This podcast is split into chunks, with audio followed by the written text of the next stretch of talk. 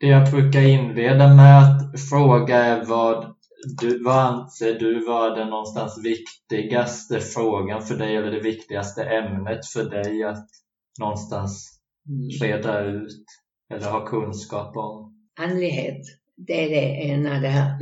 Det kunskapsmässigt så är det väldigt viktigt att inte förglömma andligheten för det löper som en, hela tiden bredvid det fysiska utan andlighet, utan styrning, utan det, det är det viktigaste så är det, som vi aldrig tänker på att vi har en själ och den skadad så kan vi inte röntga den.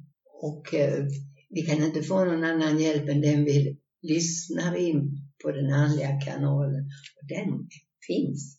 Men då måste vi lyssna och meditera lite, tända ett ljus kanske och börja lära oss att lyssna, inte bara lyssna på andra, vad de tycker och tänker. Och man måste bilda sig styrkan och lyssna. Det är, en, det är en stor förmån att lyssna på sig själv. Man utvecklas ju hela tiden av det.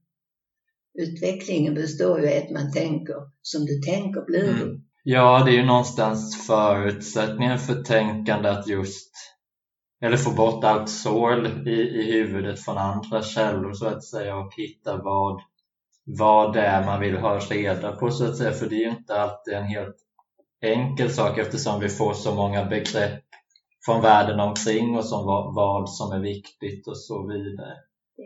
Det är en mycket svår tid vi lever i. Och det är därför det är som det ser ut i världen idag. Det är därför att vi inte lyssnar på det innersta som vill komma fram och tala om hur ska vi göra för att må bra? Vad kan jag göra för min nästa? Mm. Ska jag räcka fram min hand? Vad kan jag göra för att må, hon eller han ska må bättre? Och eh, vad lär jag? Och så ska man nog vara lite uppmärksam på sina drömmar som alltid kan berätta saker för oss. Och så ha papper och penna bredvid sängen tror jag är bra. Och så tolka men det är väldigt viktigt att bygga upp en kanal och lyssna på det. Vi har ett andeliv. Vi är aldrig ensamma. Vi är aldrig ensamma. Om man bönen har kolossalt stor, stort inflytande. För det, om man vill att man ska lyssnas på så ska man helst tända ett riktigt ljus det är det ena. Och det andra, det är att tro på det man, man eh, talar om och väntar sig. Man kan inte förvänta sig förrän man själv deltar. Och jättebra är det att tänka annorlunda än andra som bara öser över. Vi, vi öses i telef telefon och vi har TV och det bara öser över oss all kommunikation från alla möjliga. Men när någon gång lyssnar vi på vårt eget. Hur vill jag ha det? Vad tycker jag om? Och vad menar de nu? Varför drömde jag så? Ska jag sätta mig och meditera? Vad ska jag då ta fram? Och, och jag har det svårt. Kan kanske be. Det är så enkelt som att be Gud det är en stor sak det där men jag skulle gärna vilja prata lite om det, om Gud. Absolut. Eh, jag tänkte bara först att det är ju det du sa här att det är väl en av de mest förödande saker i vår tid att vi förknippar kunskap med information och så mycket information som möjligt. Men det, ja, och det det blir ju ett enda sål i och med att det inte finns något mål med den kunskapen så att säga och om inte kunskapen har något mål utanför sig själv är det ju egentligen inte möjligt att få kunskap som jag ser det och det är också en sak som vore spännande att tala om detta andra sätt än de gängse i vår tid, andra sätt att få kunskap än de som man lär ut i skolorna så att säga, som de sätten som är kunskap. Att, vilka fler sätt finns det att nå kunskap på?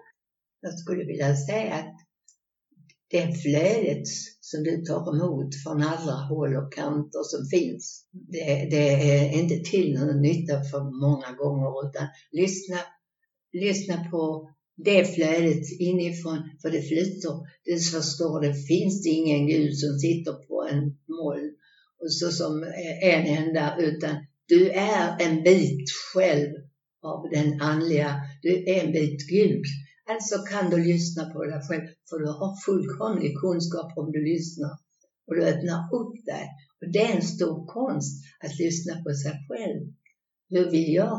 Och vad jag tänker, vad frågor jag har. Och bygga upp någonting kring dig mm. som du ska växa på. Och som ska känna dig trygg med. Man blir aldrig trygg genom andra. Men man måste själv känna, aha, så måste det vara, så känns det bra. Och man släpper det inte förrän man känner att, jaha, och går tillbaka till det igen. Och man, svaren finns. Därför att de finns kvar, inte i hjärnan utan i din själ. Själen är en sak som man sällan räknar med. Det är ett organ det också, men det är bara det att man ser det inte. Och det är därifrån har du kommit till jorden, genom själen. Först själen, sen kroppen. Din själ bor i kroppen, för det är din bostad du behöver för din tanke. Tanken måste bo någonstans och då väljer du det stället som är egentligen omedvetet bra för dig. För du vet inte från början, men det kommer så småningom när du kommer upp. Det vill säga du dör, så öppnas porten. Då ser du inte bara framför dig lite tillfälliga saker. Då förstår du plötsligt varför du är här. Varför är jag här och vad ska jag lära? Vad kan jag lära och, och vad jag nyfiken på? Alltså, det får du genom själen. Och det hjälper inte att läsa och det hjälper inte att, att fråga någon annan. Det är då du har nytta av din själ och du växer. Jag anser att själen är det finaste som Gud, som det, är Gud. Tänker du då att, jag tänker att vi hör till det gudomliga, tänker du att det finns en tydlig åtskillnad mellan kropp och själ eller hur, hur förenas kroppen och själen, tänker du? Alltså kroppen är bara en vilo, en tillfällig vilopaus för de gånger du behöver gå ner och förkovra dig på jorden. För där får du en hel del förkovring, det är där du lever. Och genom att du lever ett liv, varje gång du lever ett liv, så går ju själen och skyddar dig hela tiden. Den suger ju till sig kunskap. Så nästa gång du går ner till ett nytt liv så vet själen var den ska vara någonstans och vad den ska lära. Då har du fått ytterligare kunskap. För så går det till. Det, Gud är, ordnar inte dina problem. Men du ordnar dina egna och kunskaper och dina problem genom att lyssna till din själ. Och vad kan jag och vad kan jag inte och vad behöver jag? Mm. Det, det, det, går inte genom det fysiska. Och eh, själen, det, det är den som jag kallar för Gud. Alltså det, det är det viktigaste för mig att prata om egentligen. För kroppen är bara ett vilotillfälle. Så går vi ner och vilar på jorden och då vänder vi oss om när vi går upp och den här som jag kallar för Jakobs stege, upp på kristalltrappan som fanns på Atlantis. Högt upp, ju högre upp, ju bättre svar får vi på våra frågor. Men för, och där finns ju även änglahierarkin. Vi människor är också en del av änglarna. De kommer ju med oss så de lämnar oss. Dödens ängel är samma ängel som lämnar det lilla barnet och följer det hela livet. Du har den tryggheten. Mm. Alla har den tryggheten. Men vi vänder oss aldrig till det. På något sätt så har vi inte fattat det där med det andliga det, det, det måste man tänka på liksom innan man pratar om det. Alltså man måste känna också. Känna, känna känns det bra och tänka att ja, men min själ, den är det viktiga, det där jag samlar all kunskap. Liv efter liv. Ja, jag tänkte på detta inför detta avsnittet att ett sätt för mig att närma sig detta, eller det jag funderar mycket på är detta att allting hela tiden fortsätter på olika sätt så att säga. Och vilka förklaringar jag än hör så att säga till att världen ser ut som det gör, även om det är materialistiska förklaringar så är det ändå detta eviga fortsättande, att det är något, någon form av blivande så att säga. Och det tänker jag att oavsett hur man ser på det så finns det ju något som fortsätter att bli hela tiden och något som föregår där vi nu befinner oss. Och jag, jag tänker på det detta blivande. Ser du, då, ser du då att det finns ett tydligt mål i detta blivande? Att på ett plan förfaller det väl i och med blivandet men det lagrar också kunskap som du var inne på. Du är din egen lärare genom att lyssna och förstå. Ju mer du lyssnar, ju mer förstår du. Ju mindre du lyssnar på andra, ju mer lyssnar du på dig själv. Vad är det egentligen jag är här på jorden för? Vad har jag för uppdrag? Vad kan jag göra bättre? Hur ska jag be då? Och då får jag be till det andliga. Där sitter kunskapen från alla dina liv. Nu är det ju så att alla tror ju inte att det finns mer än ett liv. Och det är beklagligt. Och det kan man inte göra så mycket åt, det får man uppleva själv. En dag så upplever vi det, men då måste vi gå ner och upp och ner många gånger. Därför så är det lite, vi uppgör kriser och, och, och, och bekymmer och sådant. det uppgör vi, alltså då har vi kriget, då ställer vi igång med krig. Vi, vi möts ju aldrig och pratar själ mot själ. Hur långt har du kommit i ditt liv? Vad har du för, vad kan du dela med dig? Och vad, vad behöver du, ser du hos mig? Och, ja, alltså det är nödvändigt att till sist inse att vi inte är bara en kropp. Där tänker jag att det hänger ihop med hur vi bevittnar tiden också. Att detta med att det bara den här frågan om vad fanns innan livet och vad kommer efter livet. Att det riskerar när, när det väl ställs de frågorna att bli så centrerat kring så att säga jaget som fortsätter hela tiden. Men det är ju egentligen någonting annat än jaget. Och, och det har väl jag funnit någonstans när jag har funderat i detta att det är det här blivandet som egentligen inte går, som jag egentligen inte riktigt kan beskriva med hjälp av vedertagna begrepp som att det är det inom oss som fortsätter att bli. Utan det är en oerhörd kraft som gör att nytt liv kan komma, nya planeter kan komma, nya solar kan komma. Så den här väldiga kraften egentligen som, som jag tycker att det är en, det är en god utgångspunkt över, överlag eftersom jag tycker att den borde alla någonstans kunna se och den borde alla någonstans kunna förundras över. Alltså, man måste ha kommit så många gånger för att och gått igenom så mycket svårigheter. Svårigheterna hjälper oss det är bra att man, man kan inte bara gå ner och ha det bra här på jorden. Jorden är till för att bli ett lärosäte. Det finns ingen annan, det är, jorden är gjord för dem. Och så ser det som är problemet för många, det är att man inte ser, det kan man inte, det finns mm. inte. Man måste kunna ta på det. Det är så inom all forskning också. Men det finns ju mycket du kan forska på som du inte ser. Du, du, ser ju inte hur som helst bakterier och virus och allt möjligt sånt där. Utan du måste, då har du eh, förståelse och det, du måste ha tillgång till möjligheter. Du, annars har du ju tillgång till att uh, det finns möjligheter att komma så långt i sin andliga utveckling att man både ser färgen, om, man, om du bara visste vad det finns mycket fina färger och varje färg på din kropp som är fysisk finns det sju intag och det kallas för chakras. Och det kan man säga att kronchakras öppnar sig. Man kan lära sig att öppna och stänga om man har ångest här och, och när man har, det sitter på olika delar på kroppen. Så visst är det förutbestämt att vi ska lära oss även det vi inte kan se. Men det är bara att lyssna och så tänka. Använd jaget. Är det mest man behöver? Det går liksom inte. Det kan ta, det låter konstigt, men det kan ta många liv. Men det finns ingen möjlighet att komma ifrån. Man kan inte komma ifrån sin utveckling, för livet är evigt.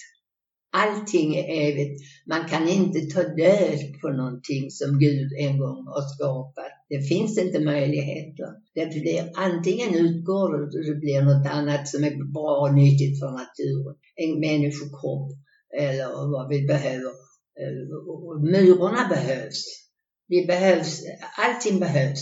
Allting är så väl form, format så det är alldeles, eh, alltså det är omöjligt att förklara i detalj. Men jaget kan med tiden ta in även det osynliga och mår mycket bra också. Man kan till och med bota sjukdom med att tro att man blir bra. Alltså det är, det är psykologi på, på en annan nivå. Men man kan aldrig läsa sig till det. Den kunskapen måste man lära sig själv och känna efter. Ja, jag mår ju riktigt bra men man gör väl inte alltid det för man har för tidens gång är snabb. Nu finns det ju ingen tid på andra sidan. Det finns bara på jorden. Det är inte tiden som utvecklar utan det är lyssnandet. Det är den kunskapen som är så viktig. Omhändertaga gärna andra och så känner hjärtat må bra. Man utvecklas på det sättet också och man mår bättre. Och man kan inse. Och det är som att öppna ett, någonting som man, man blir klar över efterhand. Och det, det, det botar allt alltså. För mig så har det varit den enda räddningen. Och jag har inte haft något annat. Jag har bara, bara haft det andliga. Mm. Ja, det är många intressanta saker. Jag tänker först på detta att ingenting egentligen förgår. Det är en ganska, i vår tid är det ganska lustigt hur det blivit utgångspunkten någonstans när man talar om hur uppkom alltet och så. Men vi ser, ser ju egentligen bara omvandling hela tiden. Det är egentligen vad vi har. Eh, men så egenskaperna förändras och det tar vi så att säga för verkligheten.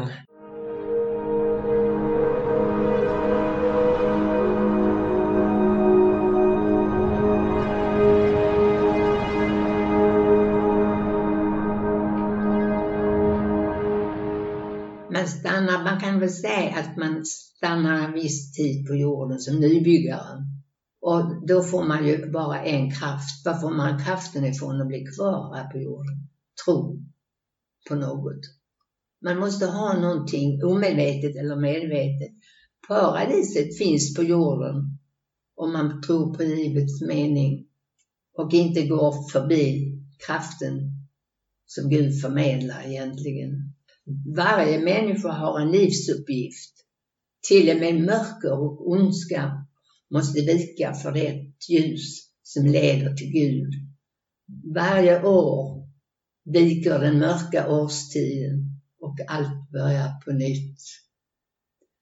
Fåglarna bygger nya bo. Svalorna ger aldrig upp sökandet efter våra ny, trygga bostäder, ny bostad. Koltrastens sång tidig morgon och kväll öppnar mitt hjärtas glädje. Blommorna bjuder på ny färg och prakt. Träden knoppar slår ut sina blålika grönska. Vårens fägring bjuder vi på varje vår. Ljuset bjuder vi, eh, ljuset bjuder på eh, hopp och glädje. Till och med vintern gömmer på de frö som eh, kung Bore sänder vilar, sover bakom ehm, um, sover liksom björnen i sitt ide. Meningen med nytt liv är att leva det och lyssna på det och tro på det. Det finns aldrig ett stopp i den. Det är någonting som man kan vara säker på. Man stoppar aldrig utvecklingen. Man lär hela tiden trots att man, man eh, inte tror på någonting så ändå tar man med sig när man går över på andra sidan.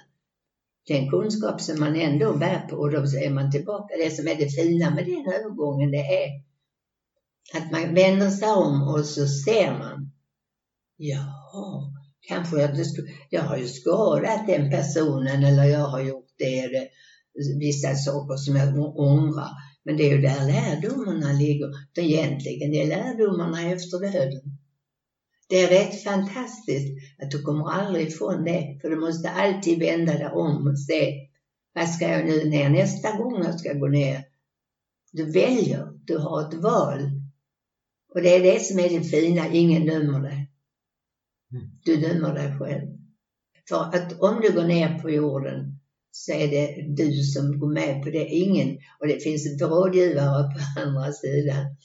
Det, det finns underbara änglalika gestalter som bara vill ditt väl. Och tillsammans så sätter ni er och gör det bästa möjliga för ditt nästa liv. Och du kan bara gå framåt. Därför så tycker jag att det är fel att vara rädd för döden.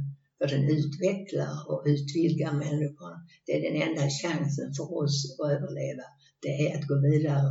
Det är att dö. För jag sitter inte här som 96-åring och väntar på döden. Jag väntar på livet. Mm.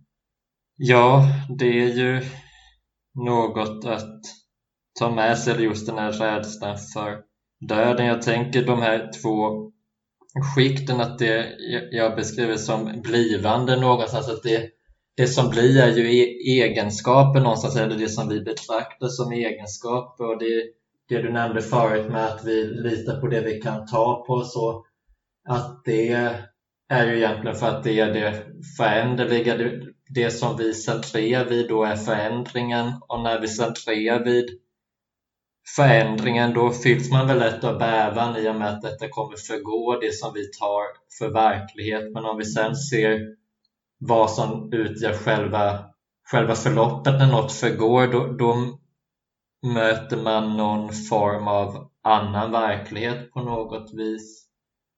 Den riktiga tron behöver inga bevis. Så tror du ändå.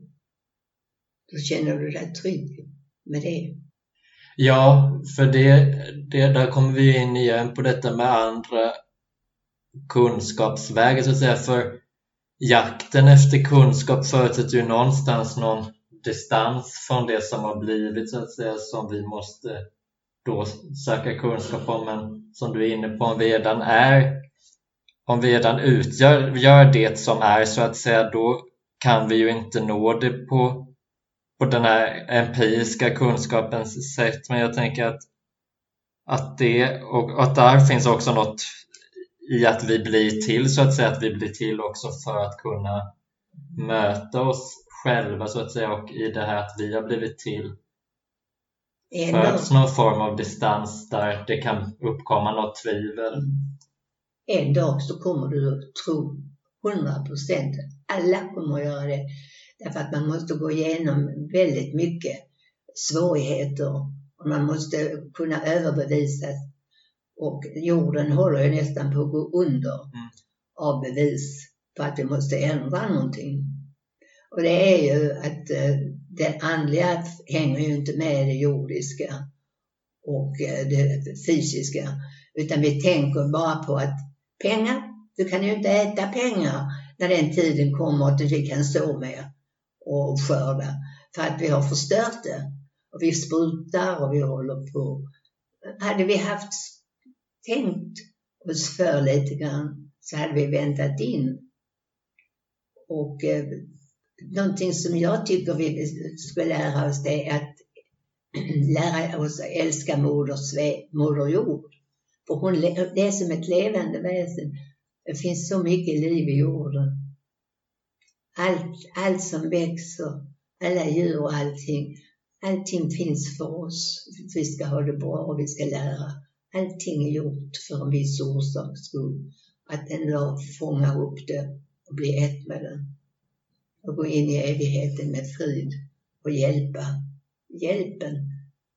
Titta på stjärnorna på himlen som Gud tänder varje natt för att vi inte ska gå och träva i mörker. Mm så att min, min, mitt svar till alla det är släpp allting. Sätta ner, koppla av och tänk. Det finns hjälp och var inte rädd för att be. För bönen går alltid fram om man gör bönen med hjärtat. Sen kan man inte göra någonting för någon annan med att be. Det kan du inte göra genom kroppen. Ingen läkare kan göra det. Du måste be därför att du kan få stiltje och läka din sargade, olyckliga barnasjäl eller människosjäl. Det är så oerhört viktigt att alla ungdomar behöver den tanke bakom. Inte bara att de ska ha det bra för tillfället, utan och då tar de sitt liv. Det finns ju massor med ungdomar som tar sina liv, Så sen får gå ner och göra om det. Det kommer aldrig undan. Därför är det lika bra att lyssna på att det finns liv. Den är till vår fördel, verkligen. Du lever inte bara för att du ska leva, utan du ska lära också. Det var därför Jesus gick ner och hängde sig på korset, för vår skull. Det är inte dåligt. Vem av oss skulle kunna göra om det? Så måste man ha kraft till. Och det är Gud, det är Gud själv just. Han har Gud själv. Jag tror det är svårt. Man ska inte dela upp Gud där och människorna där. Vi är alla ett. Får jag stoppa där? Ja, absolut. Får jag läsa detta? För jag vill ha in det här. Tack Anton för att du kom in i mitt liv. Och för eh, första gången har jag en lyssnare. Alla sagor börjar med Det var en gång. Ja, visst, för 96 år sedan kom en liten flicka till jorden, närmare bestämt till Lund. Jag är alltså lundatös, som föddes en, se en septemberdag långt från sagovärlden som jag redan fick kalla livet. Jag har skrivit en liten sida om min tillkomst i Lund. Ja, ja det har jag jättegärna. Mm. Vill du ta med det så det är du, du själv. Jättegärna. Därför att jag har gått igenom så väldigt mycket så det är inte bara att jag tror på att man tjong tjing tjang, annars hade jag inte lyssnat, förstår du. Men eh, det står lite sådana saker som många människor kan råka ut för. Ja. Och det är bra för dem att man kan råka ut för saker och ändå se att det finns en evighet. Mm. Att det finns en, ett hopp. Ja.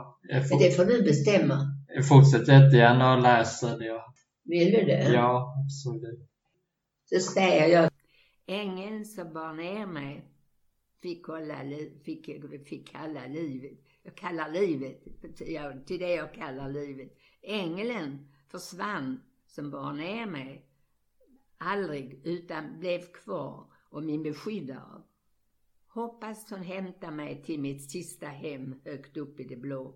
Adressen är oviss, men man får väl vad man förtjänar. Den stig vi trampar på visar vägen. Jag bor numera i en liten stad på Österlen. Havet är skönt att skåda för gamla trötta ögon. En sorts meditation. Mina barn bor på olika håll och orter i Sverige. Alla, även barnbarn, har fullt upp med sig själv och det liv som jag tycker rusar iväg. Jag tycker att vi kommer längre och längre ifrån varandra. Lite vemodigt är det att ingen går hand i hand längre. Min hand heter rollator som har blivit gamlas trygghet numera. Dock har vi det bra i Sverige så länge man har vatten och mat så det räcker. Och det får vi tacka för. Det jag har saknat är föräldrar. Så jag kom inte hem till någon plats där jag blev lämnad på BB i Lund. Jag var det man kallade horbarnet. Jag var dock inte ensam. I den lilla enrumslägenheten fanns fyra syskon som efterhand blev utlämnade till olika ställen. Jag hamnade i så kallad fattigstugan i Lund. Där fanns både barn och vuxna tyvärr. På den tiden fanns inga bidrag. Allt vi levde på var det rikes gåvor. Jag delade sen med en gammal gubbe som min mamma berättade om. Mina första år har Gud dragit en slöja över. Vad jag minns är några år äldre sen och blev adopterad av en skräddarfamilj som mist sitt barn. Och då kom jag in som en räddande ängel till min mamma som hade mist sin lilla flicka. Och, men eh, jag fick ett hem i alla fall. Men det blev ingen kärlek. Och kärlek, det är ett svårt ord. Och lätt för somliga men inte för mig. För eh, den äkta kärleken ska kännas i hjärtat. Och jag förstår nu att den finns. Jag har hittat kärleken men inte på det sättet som jag trodde då. För då hade ingen att prata med, jag förstod inget. Men nu har det Gud, jag har öppnat upp mig. Tack vare alla mina prövningar som jag har gått igenom. Så nu tackar jag. Och jag har förlåtit min mamma.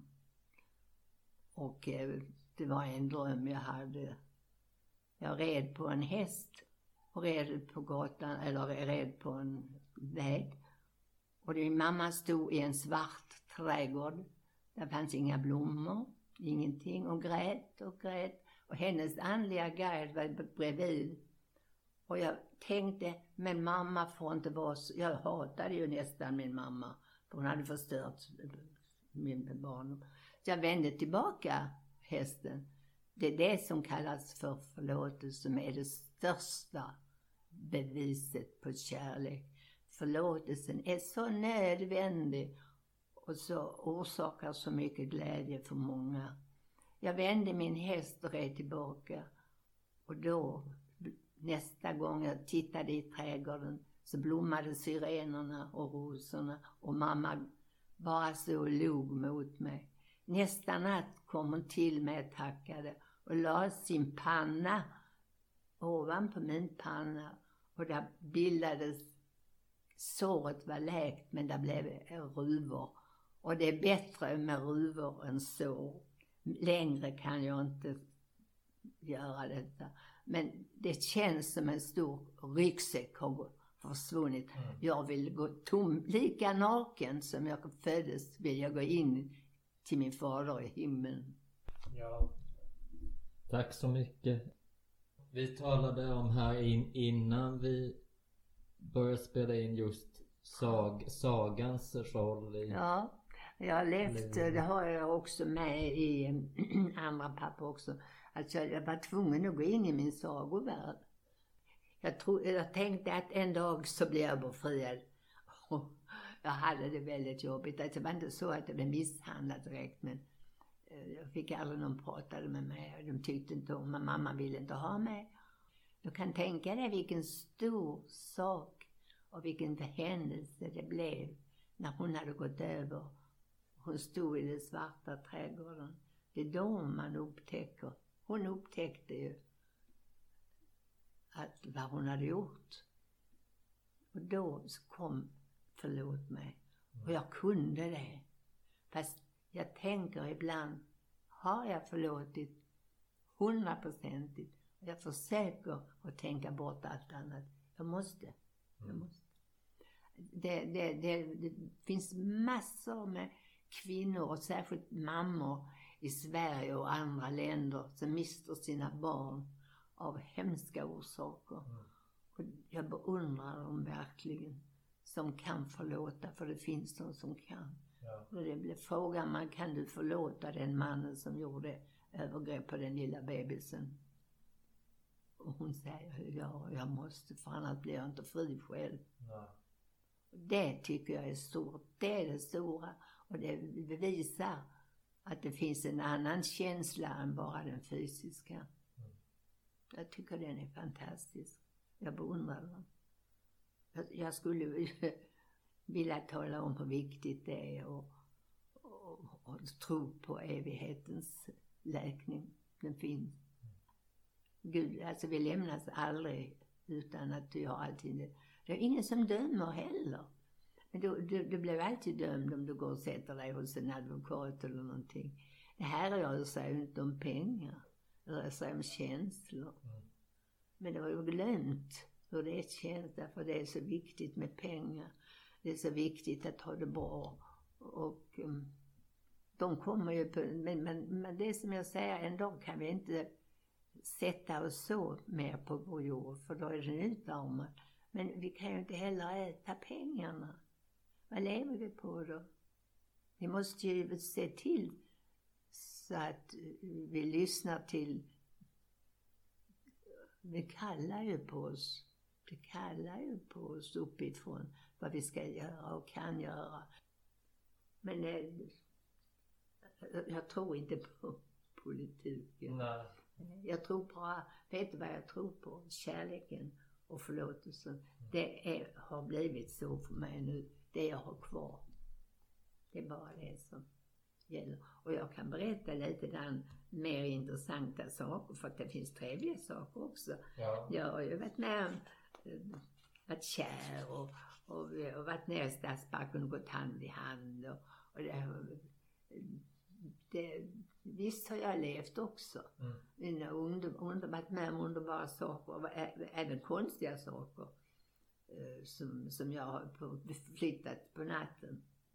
Jag har till och med blivit opererad i halsen. Mm. Jag har varit med om väldigt mycket. Och jag har varit på UFO. Det finns alltså UFO-flottor som ligger runt om och är livrädda för all skit vi sänder upp. För de går ju uppåt. De får ju också. Det är ju inte bara, det fastnar inte bara på jorden. Jag vet inte hur högt som det yttre rymden tar sen vidare upp. Nej. Vi förstör så mycket. Alltså det är inte klokt så vi förstör. Vattnet försvinner, Mm. vad gör vi då? Då hjälper ju inte pengar. Men det kan man inte säga till en, en människa som äger en fabrik som, som vill ha ut det bästa möjliga av allting. Alltså man får ju leva om. Då får man börja tänka om. Mm. Vi börjar med hästar. Istället för att plog, alltså maskiner som kan plöja. Ja, vi befinner oss ju mitt i ögonblicket men det som händer i världen nu det är en väldigt kort episod. Om det fortsätter så här det kommer eh, ju förinta sig själv ganska så snart och i evighetens perspektiv är detta ju ett ytterst kort ögonblick men det är ju när det centreras just i, i nu, nuvarat bara vi, vi tappar kontakten med det, det som har varit och det som ska komma.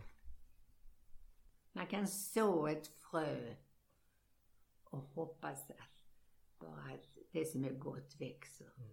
Det, det kvittar och i vilket fall som helst tycker jag det är väldigt viktigt att vi så vackra saker omkring oss och inte alltid tycker att de gör fel och så ska man inte göra det så. Utan ta emot det som man känner att det här, det tycker jag var bra. Någon tar tag i det. Det finns ju fortfarande Röda Kors och lite allt möjligt sånt där. Det finns ju frivillig hjälp också. Det den gör, gör faktiskt mycket mer nytta än det stora EU som inte gör någonting. Jag tror inte på sånt där. Eh, Det, det var och en människa måste vakna upp. Men det som är intressant, som du nämnde nu, det har med mina sagor att göra. Mina sagor var mitt liv under, ja fortfarande. Jag tror på dem. Jag tror att eh, det finns, jag har sett dem. Jag har sett, förutom älvar, det finns ju troll och det finns tomtar och, det, och de finns bara där som är fint i skogarna eller och även havet innehåller mycket fina Mm. saker som, alltså om barnet i människan kommer fram och det finns inget bättre än att bli som ett barn. Nej. För då, då, då kan man lyssna och man kan tillgodogöra sig. Man kan inte sitta och plocka bort allt som man, äh, det där du tror. Men man tar emot på ett annat sätt när man är barn. Därför att det går in och man är, man är naiv och jag tror man ska vara det. Ja. ja. Sen, sen är det livet så att man ska tro på allt. För det har jag ju gjort. Mm. Därför jag åkt ibland på det. Jag har ju fått ta smällarna själv. Jag, jag tror på människan. Jag tror på det goda. Eh, jag har gjort alltid. Jag sån. Och det har inte alls varit bra. Eh, jag hade ett blogg där jag fortsätter med min, min sagovärld. Eh, som eh, kom in och eh, som jag har sagt, H.C. Andersen har Mm. hjälpt mig mycket. Och det var så vackra saker han skrev. Till sist så trodde jag på riddaren som skulle komma. Jag hade alltså ett hopp. Inte genom någon människa utan genom sagan. Man ska tro så kvittar det på vilket sätt det kom. Mm. Men alltså jag hade den tron att eh, det finns något bakom allting. För människan lämnas aldrig åt sidan. Ingen, ingen. Allt ska en gång bli en enhet. Och vi, även jorden, även om den försvinner, så blir det ett nytt klot. Men det måste vi bygga på det. Vi måste bygga med kärlek så att vi får en helt annat jordklot än vi har nu. Mm. Men då måste vi hjälpas åt och inte tänka på pengar för mycket. För vi klarar oss ändå om vi börjar så och skörda. En gång i tiden har vi gjort det. Att jag såg en bild en gång, jag åkte i hiss. Och jag hade väldigt konstiga drömmar. Jag åkte upp väldigt högt upp. Jag tror jag hade en liten flicka i handen, det var mitt barn. Och jag sökte mig över, eh, jag hittade inte rätt. Och jag tror jag var på sjukhus i Lund eller så. Och till sist kom jag högt upp. Och då står jag bara och tittar. Då fick jag plötsligt se ett landskap. Och så ett, ett landskap, det var, det var så hemskt bra men samtidigt kusligt. Därför det fanns liksom sån stillhet där. Mm. Så man trodde inte på att det riktigt var sant. Jag kan inte förklara den stillheten. Att det var nästan så, jag är inte här ändå. Mm. Men då kom det sex ardennerhästar springande på den sidan så här och gjorde, plogade jorden. Rakt fram fanns ett berg och där lyste en sol. Vilken det var, ett ljus i alla fall. På höger sida fanns en sjö och en vacker bild av, ja, en vacker natur. Och jag bara stod och tittade. Så tänkte jag, har jag sett jorden födas? Mm. Eller vad är detta? Och jag glömmer aldrig, jag har skrivit upp det i min drömbok. Alltså, det kan ju vara det att så kan det bli igen. Jag vet inte. Man kan inte veta allt.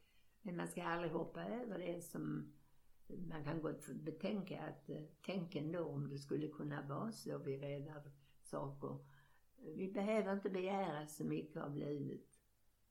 Jag, jag känner inte till var jag kommer ifrån. Jag vet inte vem som är min pappa. Jag vet vem som är min mamma men jag fick reda på när jag var 30 år. Ja. Och eh, då fick jag en chock naturligtvis. Mm. Men eh, alla har vetat utom jag och jag tycker att skulle jag skriva en bok så skulle den heta Livslögnen. Mm. Men det, det, det gör jag inte. Det är för mycket alltså men, men det är så konstigt för att eh, det ska vara så svårt att komma in i kärnan. Men det är det enda sättet att överleva, att ta till sig, arbeta med det och så lämna det. Och så gå vidare.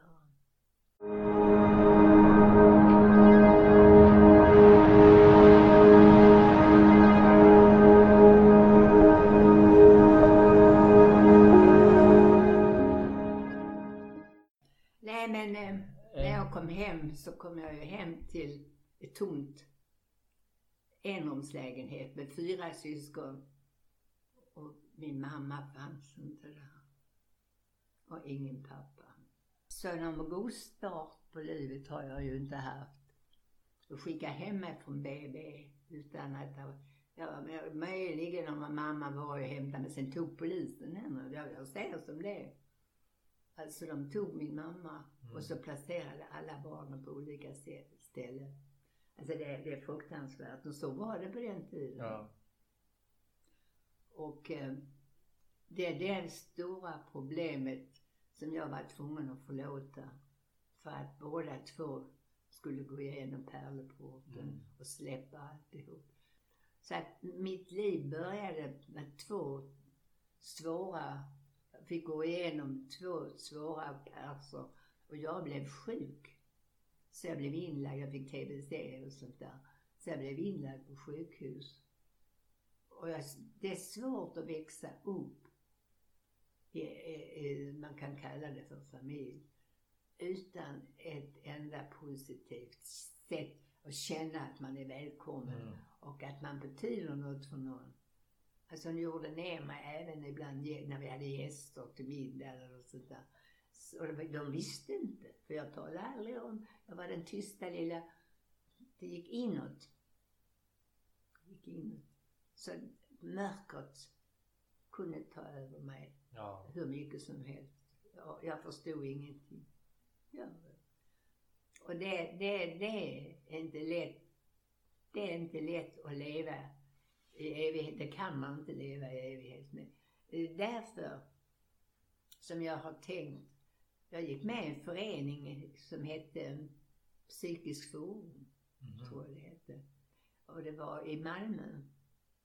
Han hette Silve och han var också homopat och mycket medial. Hans fru också. Och eh, där träffade jag väldigt bra människor. Då började jag och liksom fixa upp, förstå lite mer och jag höll mig till, bara till dem. Jag hade väldigt mycket kunskap då som öppnades upp för mig. Så livet började då liksom att lyftas. Det som är så viktigt för mig är att lösgöra mig från andra människor. Tänka själv. Ja. Och tänka att jag är bra. Jag måste tala om för mig själv varje dag att jag är en bra människa. Mm. Att jag vill det bästa. Att jag har utbildning. Fast den kanske är livet utbildning. Jag gick i kurser, jag gjorde allt möjligt. Men jag var tvungen att börja jobba lite för att betala naturligtvis hem till mamma. Det skulle jag ju göra. Annars var jag inte värd något. Och så, så har det varit hela tiden. Ja. Jag har gått eh, andras väg. Det är så mitt liv har, har sett ut. Det är därför det har tagit så lång tid och jag har blivit så här gammal. För det har tagit så lång tid att komma ifrån allt det och in i det nya och bekräfta mig som jag finns och det är bra och jag är bra som jag är. Känner du att den här andliga kunskapen du har nu, var någonstans i livet föddes den eller vad märkte du av den? Var det med sagorna redan eller var det? Ja, så jag hade väldigt stor nytta av det naturligtvis. Därför att eh, då väntade jag ju på riddaren som befriade mig. Det var mitt sätt att lösgöra mig från ondskan. Jag hade mycket mörker omkring mig. Så de hoppade liksom över mig hela tiden. Ja. Jag hade ju ingen kontakt med, med någon så jag var ju väldigt dålig med ett litet barn. Och jag, jag hade ingen... På det, jag tror ändå, trots allt, tack vare min svåra barndom och min obekräftelse som människa och min barndom var, var väldigt, eh, vad ska jag säga, burdus och eh, jobbig, så har jag fått vända mig om och insett. Jag hade aldrig sökt mig till andevärlden och sagorna om jag inte hade gått igenom den barndomen. Så vet du vad? Allting beror på att Gud ville ha mig till att bli så gammal så jag skulle lära detta och skriva detta jag håller på med. Så länge fick jag vänta och jag är inte ledsen Nej. längre. Det är där det släpper. Och det är där jag håller på att bearbeta nu. Därför har jag träffat dig ja. och därför har detta öppnat sig. Det är den sista öppningen för mig. Jag är fullkomligt medveten om det mesta. Och det kan jag bara tacka för. Men det har varit en svår utbildning. Mm. Jag har också lärt mig en sak om min svåra ångest. Som, som Nostradamus har skrivit, om du vet vem jag talar om. Har man gått ner på jorden får man ta risker. Ibland krävs stora omvägar för att vakna och öka livsviljan till förbättring.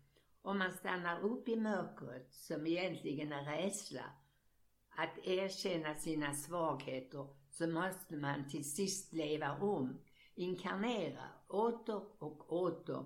Ångest, där kommer vi till mm. ordet. Jag har levt med mycket av ångest. Ångest är en drivande kraft att möta sig själv. Erkänna att jag har gått igenom detta för detta skull. Förstår du? Att hitta sig. Ångest Mm. är rädslorna att se sig själv. Ångest är rädslorna att överge sin okunskap och ta itu med de svårigheter vi gick nerför. Att öppna upp för ljuset och den stora friden är inget som serverar oss på en silverbricka. Det måste vi förtjäna som en grundutbildning i våra vandringar. Öppna upp ditt hjärta, låt ljuset leda dig till friden. Amen. Och då har jag fått svaret genom min svåra ångest. Ångesten att inte med, jag har inte vågat möta den dåliga lilla flickan som jag trodde jag var. Utan jag har gått omvägar och, och, och försökt att dölja och inte sökt. Jag, jag har gjort fel saker. Jag kan inte förklara med annat än att det är rena smockan. Ångest är ingenting annat än att börja lära sig själv att möta svårigheterna och gå till, mot dem. Och göra någonting för sig själv. Alltså det är ett väldigt stort kapitel egentligen fast det, det kan sägas i bara några ord. Var ångest lider många av. Mm. Vi vill inte möta oss själv som vi är. Vi inte se oss i spegeln. Nej, då blir vi rädda. Det är bara att gå vidare. Nu har jag kommit över det så att det, förstår du vad jag menar? Ja, absolut. Och att, att, eller ångesten tänker jag det är ett tillstånd som både för oss närmare världen men också tar oss bort från den samtidigt. Och det är väl den att de inte går ihop upplevelsen och så att säga som gör det till en sorts särskild känsla på något sätt. Mm. En känsla som går bakom alla andra känslor. Att möta svårigheter på rätt sätt och lära utav dem istället för att bli ett offer. Mm. För att man kan inte man kan inte vara ett offer alltid. Och då läks man inte. Men det är liksom han väckte upp mig genom tanken att möt dig själv för så slipper du ångesten. Fantastiskt. Mm. Då, det är den som har hållit mig kvar. Att jag inte kunnat släppa den. Jag har inte kunnat släppa frigörelsen för all den kunskap jag egentligen bär på. Kunskapen som, och kärleken. Jag har också mycket kärlek och tycker om människor. Jag vill hjälpa. Och det är precis som mitt hjärta blir så varmt. Genom att jag har äntligen tänkt, men min ångest det beror på något. Och då söker jag svaret. Ja, det tror jag är väldigt viktigt det med känslor överlag att de leder någonstans så att säga. De finns i oss för att leda oss någonstans vad det nu är. Att de inte är slumpmässiga eller så utan har en klar riktning så att säga. Men även om vi inte alltid vet vart de riktar så vill de någonstans. Att vi har tudelat en människa så mycket som jag har blivit. Jag är inte ensam för världen är full av miljoner sådana. Så, så är det ju intressant. Därför det är meningsfullt med lidande också, liksom Jesus sa. Men när jag kom hem till den här lilla kupan vi bodde på och eh, fyra, femte barnet och de tog bort min mamma. Så, så tror man inte att man ska överleva. Men jag gjorde det. Och eh, jag, jag vill inte tänka på vad jag har gått igenom. Men det har ju tagit mycket lång tid att läka. Jag har varit mycket sjuk. Mycket sjuk. Men jag har klarat mig ändå.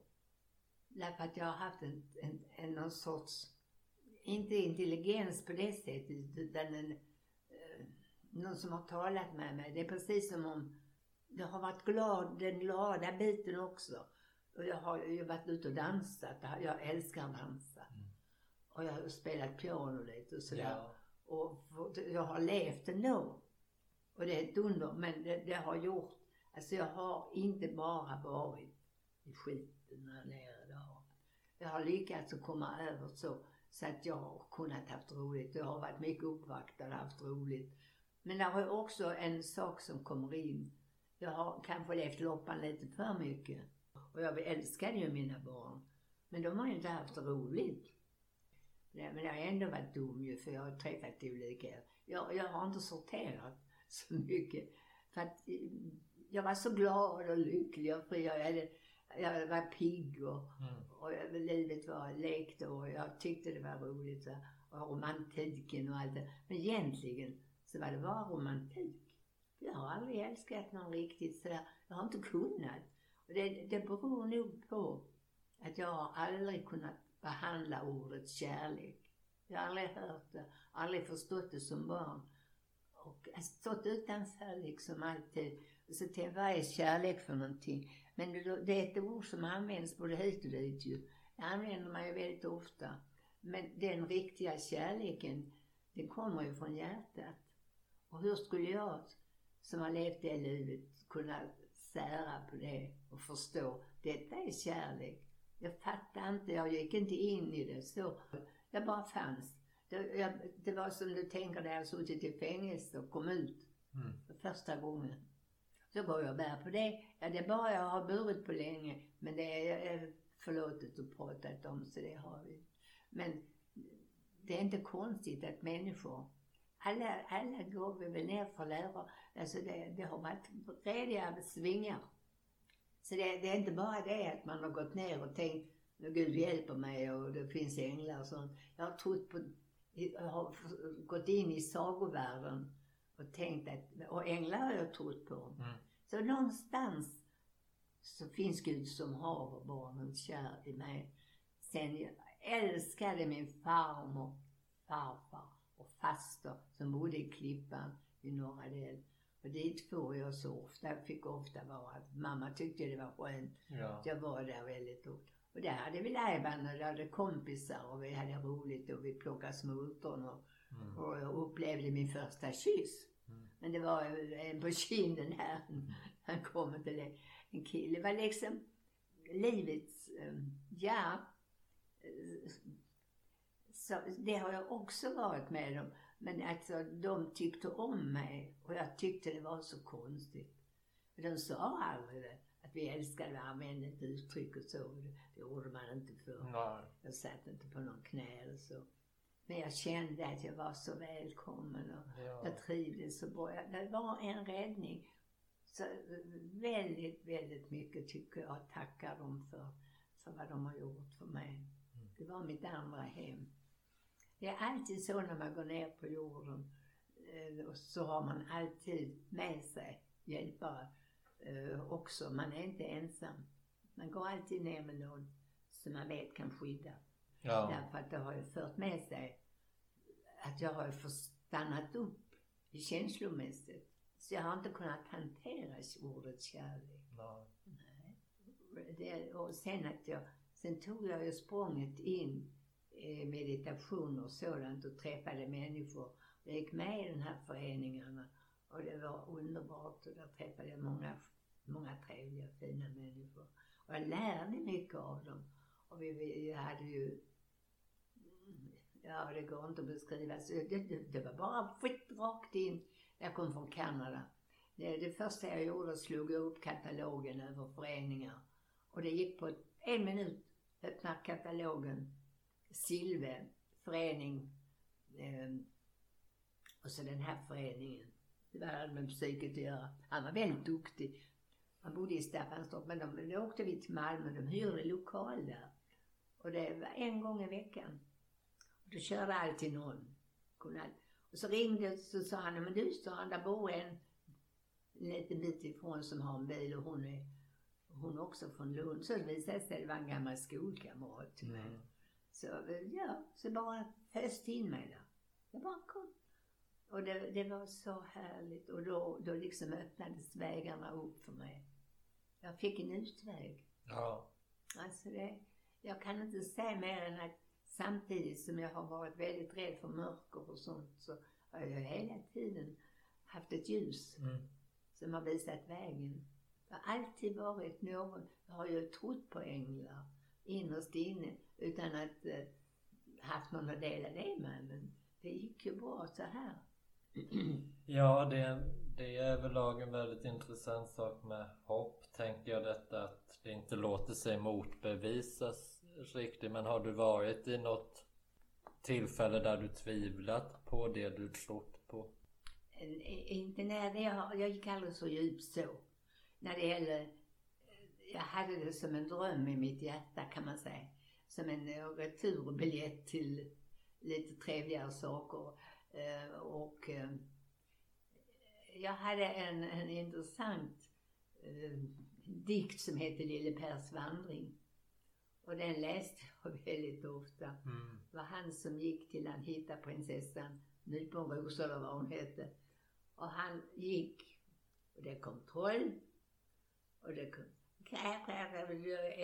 fåglar som ville hacka på honom. Och, och gå inte dit vägen, du ska gå. En ständigt gamla skrälle, vad rörde det? Och um, den har jag följt på. Jag tänkte, jag tänkte på lille Per, jag ska vara lika duktig som han. Jag ska komma ända fram till slottet. Och så, det som berörde mig mycket, det var prinsessan Törnrosa. Mm. Tänk att då kom han äntligen, efter hon sov i hundra år, och så kom han med svärdet. Och så högg han ner allt motstånd. Därför att eh, det var ju hacktorn, sådana törnrosor. och då blev jag ju prinsessan Törnrosa. Och så öppnade han och jag kom ut. Och, och där fann jag lyckan. Ja. Och det där om igen och om igen. Det, och så, på något sätt så, så höll jag igång med det. Och jag kan inte förklara. Ja, det var många saker som i H.C. Andersens värld för övrigt också. Som gjorde mig väldigt mjuk och fin och, Mm. och jag trodde på det goda. Och det har varit en väldig kamp mellan ont och gott. För jag gick ju även ner för att kämpa ondska. Och det, det, det, det är en svårt åtagande att göra det för att eh, jag har ju haft mina änglar och jag har haft eh, Men jag får ändå säga att jag har levt omvägar. Jag har gått omvägar, det har jag. Men det hade jag inte gjort. Men nu är jag så gammal så nu måste jag dö. Men jag ska leva ett par år till. Mm. Sen är det. Men den lilla flickan finns kvar. Och den här, hon är, hon är alltid kvar. Jag är en liten sagoflicka i botten. Mm. Och, och ett med andra skulle tro att jag inte är klok om jag tänker så. Så, så gör det mig inget. Nej. För att världen är värd att tänka annorlunda. Det är värt det för mig. Ja. Och det kan inget ta ifrån mig för det har hjälpt mig mycket. Men samtidigt har jag haft en väldigt konstig relation till män. Därför att jag egentligen aldrig, jag ville bara ha det som romantik. Mm. En beundrare bakom vad kul du dansar. Så, eh, men det är precis som, inte längre, själva eh, erotiken i, i, eh, i kärleken var för mig, det förstörde liksom. Mm. Det var precis som något klumpigt som kom in. Så tänkte jag, nu tar vi bort det fina. Ja. Alltså det, man, man gjorde ju när man var gift ändå. Men det var ju, man kan ju inte precis påstå att det var med glädje. Så jag har egentligen aldrig upplevt det äkta. Jag har aldrig gjort. Därför att jag har varit den sortens människa som skulle gå den vägen och jag har. Sagovärld kan vi kalla det för, Mm. jag vet inte. Så jag har anpassat mig och det har gått bra.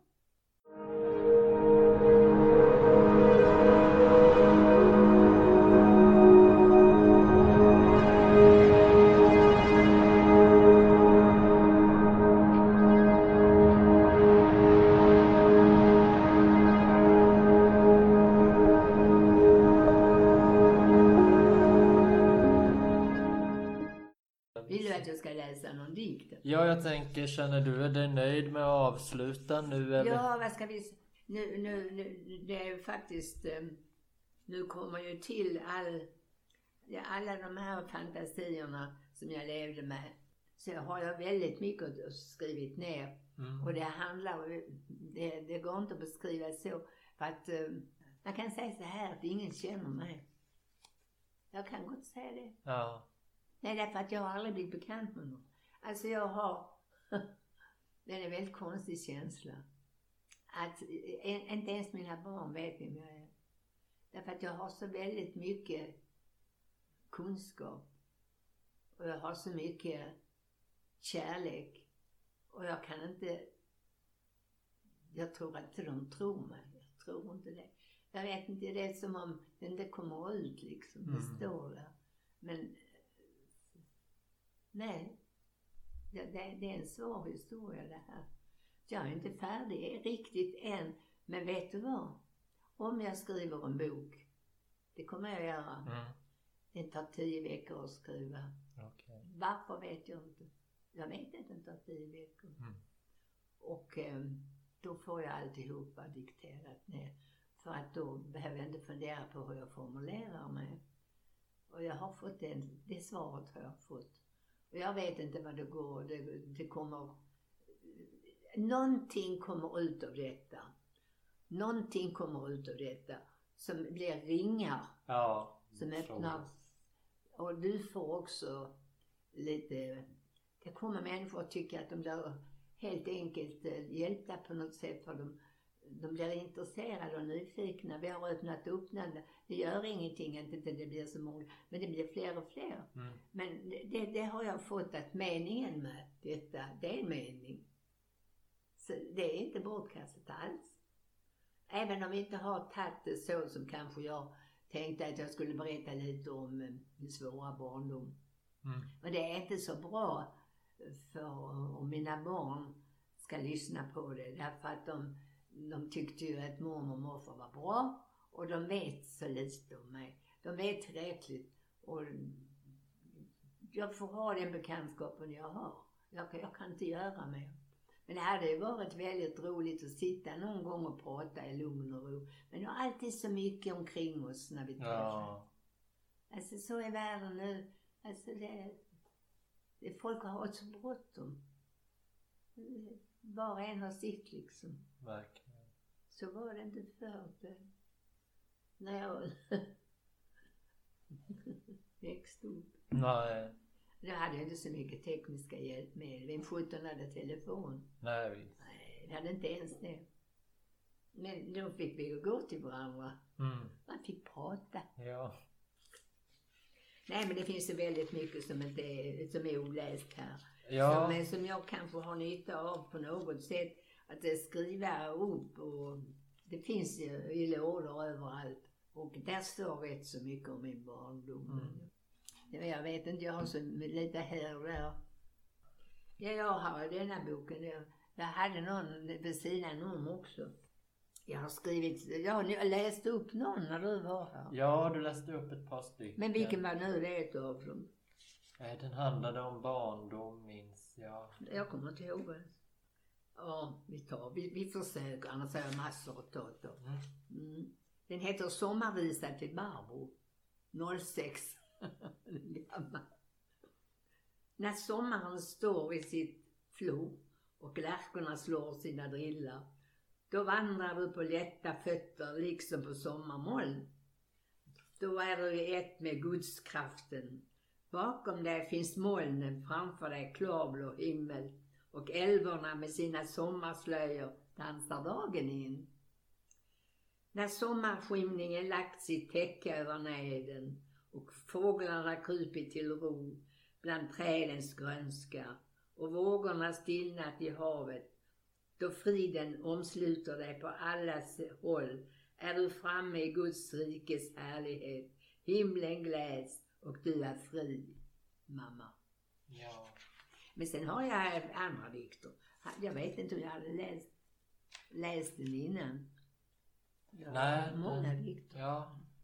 Men som sagt, det kan vi göra. Så kan du, jag ville bara höra din dikt innan du går. Ja, absolut. Jag Därför jag tyckte det var så intressant med, det går inte, det, man måste höra mer än en gång. Ja, jag skrev faktiskt ner den. Det är det tänkte... som intresserar mig. Har du skrivit den? ja, ja, det har jag. Vad roligt. Jag Får- tänkte att du får den här om Får du vill ha den. Absolut. Jag skrev Ja, det, till dig. det var jättesnällt. Nej, för att jag tycker det är så roligt att ha skrivit om älvor också. Ja, Men det, är det inte fantastiskt? jo Det, verkligen. det, det är De inte många killar som har älvor i huvudet. Nej, det är det nog inte. Eh, Jag tänder heter den då. Ja, I orgeln bor en fasansfull melodi. Orgelpiporna är universums tänder som plötsligt har visats gömd i sina mörka rum. Samma melodi som älvorna sjöng, neddragna i vattnet. En gång var intigheten befolkad av älvor och melodier, utan värld. De lekte sina lekar som gick ut på att melodierna skulle besjunga älvorna, men aldrig träffa dem mitt i prick. Ingen vet varför det skedde. Idag finns det mer än älvor och melodier. Melodin slutade leka. Älvan blev våldtagen, pressade ut tusentals frön som växte till sig och gav skogen som älvornas gömställe. Musiken sluten i djupaste jord, flyktigaste moln, uppväckt likt en svamp, sökande efter älvor, sjungande förlåt, sjungande kom fram, sjungande låt oss älska vårt barn, fullkomlig för den som fött henne. Försoningen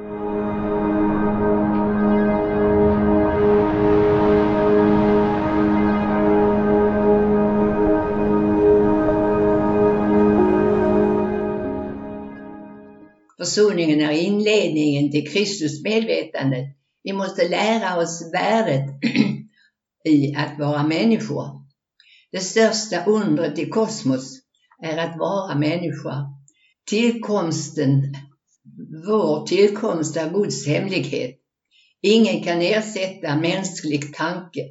Skapelsen är en komplex historia. Vi är en del i det kosmiska arvet. Gudsmedvetandet är en lång process. Den eviga sanningen om Kristus kärlek förblir lika ung, generation efter generation. Din tid här på jorden är begränsad, men ditt själsliga medvetande är obegränsat. Sen har jag plötsligt kommit in på pappa här, för det, det var liksom en öppning. Ja. Och man tänker man vill ha lite andlig kunskap. Ja, ja, allmänt men det, det, är svårt att placera det. Om du ska gå in i pappas brev, därför att då kan ju det komma först och sen kan ju breven komma, för det handlar ungefär det är Ja. försoning det också. Ja, jo, men du får jättegärna läsa det. Här är lite om, mm, om kärlek och sånt. Men alltså det, jag kan, um, här har jag också från pappa. Ja, vila i min famn mitt barn. Bygg upp din trygghet med bön. Gå frimodigt över bron och möt friden. Din karma har du bakom dig. Nu stundar följderna av dina lärdomar. Ingen lider förgäves. Ta nu tag i ditt nya liv och känn vad du kan göra för att använda dina kunskaper. Låt ingen utom du själv bestämma över ditt liv som är kvar. Fråga därför ditt eget hjärta och vila i dina tankar och ingen annans. Du är inte beroende av någon annans kärlek än den himmelska. Våga vara dig själv. Mm. Och det har jag haft så svårt för.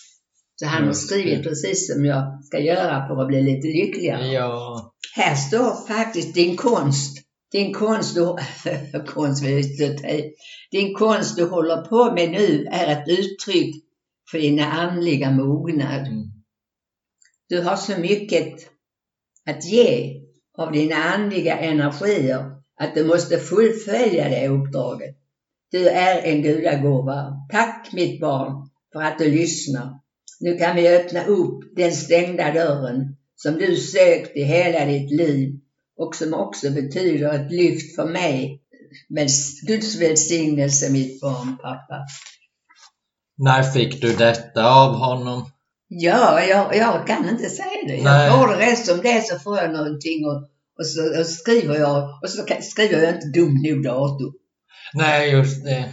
Men det, det har varit nog eh, några veckor eller något. Det är han, jag skriver mycket om glädjen över att kärleken, lilla Hjördis, det är din pappa som talar.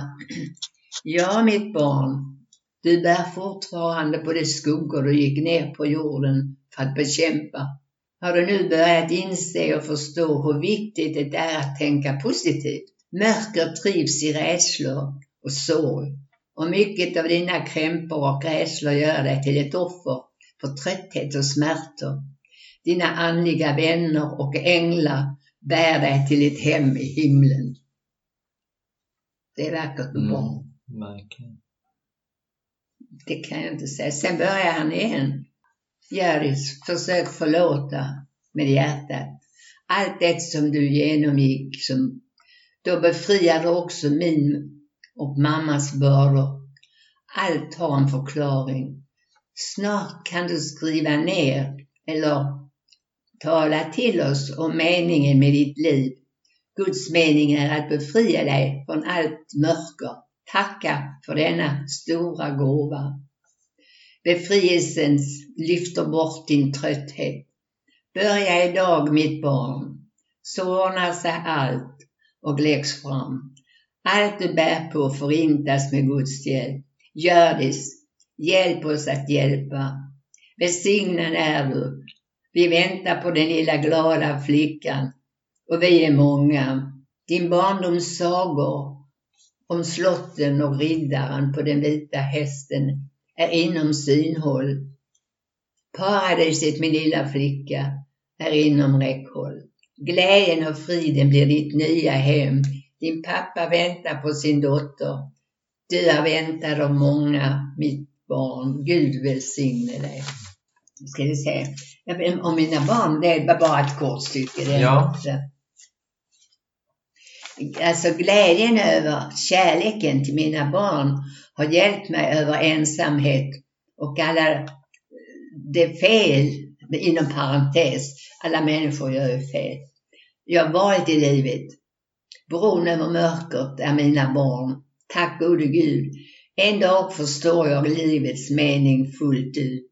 Att ge är att få. Riktig kärlek är en gudsgåva som bär oss alla.